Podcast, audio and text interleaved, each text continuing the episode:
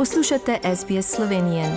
Prisluhnite še drugim zanimivim zgodbam na sbsp.com.au pošiljka Slovenije. Poslušate slovensko oddajo na radiju SBS širom Avstralije in po svetu. V pretekli oddaji smo gostili veleposlanika Republike Slovenije v Avstraliji, njegova ekscelenca Jura Rifla, ki nam je dal veselo novico, da nas obiskuje slovenski predsednik. Danes se nam bo ponovno oglaša in eh, ga najprej seveda lepo pozdravljamo na slovenski oddaji radija SBS. Eh, dober dan. Žal, danes eh, boste poročali o spremembi v predsednikovem obisku v Avstraliji. Ja, nažalost, pred nekaj dnevi smo bili obveščeni o tem, da je moral predsednik Republike Slovenije, gospod Borut Pahor, odpovedati svoj obisk v Avstraliji. Razlog za odpoved so zaostrene varnostne razmere v Evropi, predvsem v našem delu Evrope. Uh, kot sami veste, se Slovenija ne nahaja daleč od Ukrajine, uh, tako da je pač so, je situacija prisila predsednika Pahorja, da ostane v Sloveniji. Potrebno se je zavedati, da je predsednik Pahor tudi poveljnik eh, slovenskih oboroženih sil in uh, v tem smislu nosi uh, nemajhen del odgovornosti.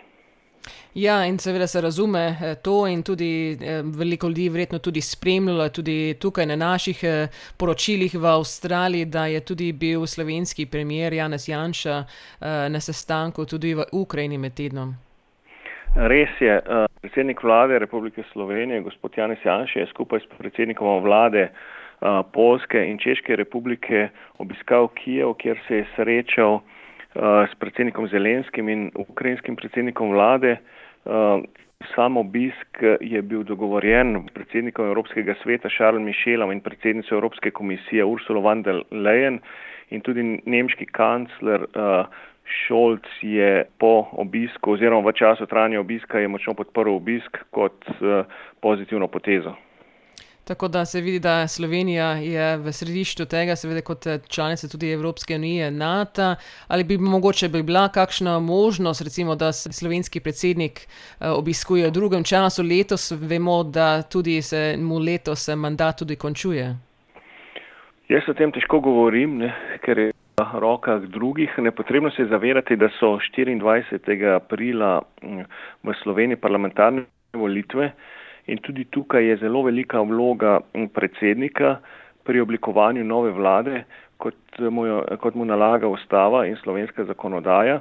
Eh, se pravi, da v primeru, če bi se izkazalo, da je možno izvesti ta obisk definitivno eh, ne pred začetkom julija, ampak eh, prej bi morali za kaj takšnega ponovno uskladiti vse že dogovorjene termine z avstralskimi sogovorniki.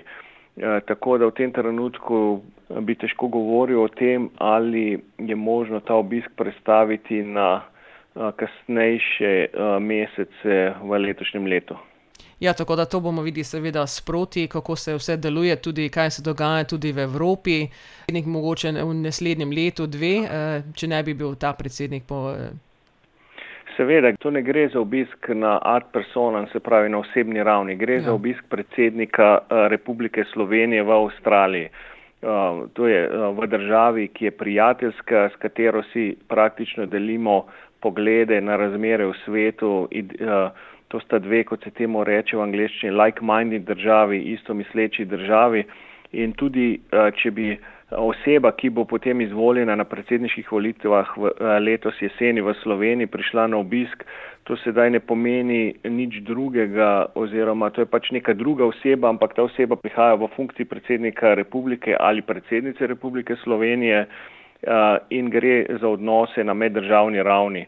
Uh, to je tisto, kar je pomembno ne? in to je tisto tudi, kar smo sedaj, uh, na čemer smo gradili obisk predsednika Republike Slovenije Boruta Pahorja v Avstraliji. Ja, zato smo se tudi veselili tega obiska, seveda vsi, uh, tudi ne samo seveda v Sydneyju, ampak tudi v Melbourneu, Canberri, povsod. Um, žal, tako se je naneslo s stvari, ampak uh, seveda, kot re, smo rekli, se razume, da to mogoče ni najboljši čas uh, in upamo, da se bo mogoče bila možnost, da bi se predstavilo. Hvala, da ste nam danes povedali o teh spremembah v zvezi s tem obiskom in uh, upamo, da do naslednjega slišanja z vami, seveda boste imeli veliko uspeha še pri vašem delu in vašim tudi sodelovcem na veleposlaništvu v Canberri. Ja, najlepša uh, hvala za lepe želje. No, sedaj bi tukaj uh, rad povedal, ker uh, sem že nekajkrat v zadnjih javljanjih uh, za vaš radijski program, da je sicer prvotno predvideno za drugo polovico februarja, sedaj pa je uh, to potrjeno za začetek aprila, da se bodo končno začela pogajanja med Slovenijo in Avstralijo o sporazumu za izogibanje dvojnega obdočevanja. To je verjetno nekaj, kar zanima veliko veliko vaših poslušalcev, tako da lahko rečemo, da je, eh, recimo imamo tudi kakšno pozitivno vest eh, za vaše poslušalce. No, hvala lepa za, za tole vest in uh, upamo, da, da se bomo še, seveda, slišali še, še nekajkrat, preden uh, vaš, tudi vaš mandat končuje letos. Uh, definitivno. Najlepša hvala za pogovor in lepo zdrav vsem poslušalkam in poslušalcem slovenskega programa Radia SBS. Všečkaj, deli, komentiraj. Spremljaj SBS Slovenijo na Facebooku.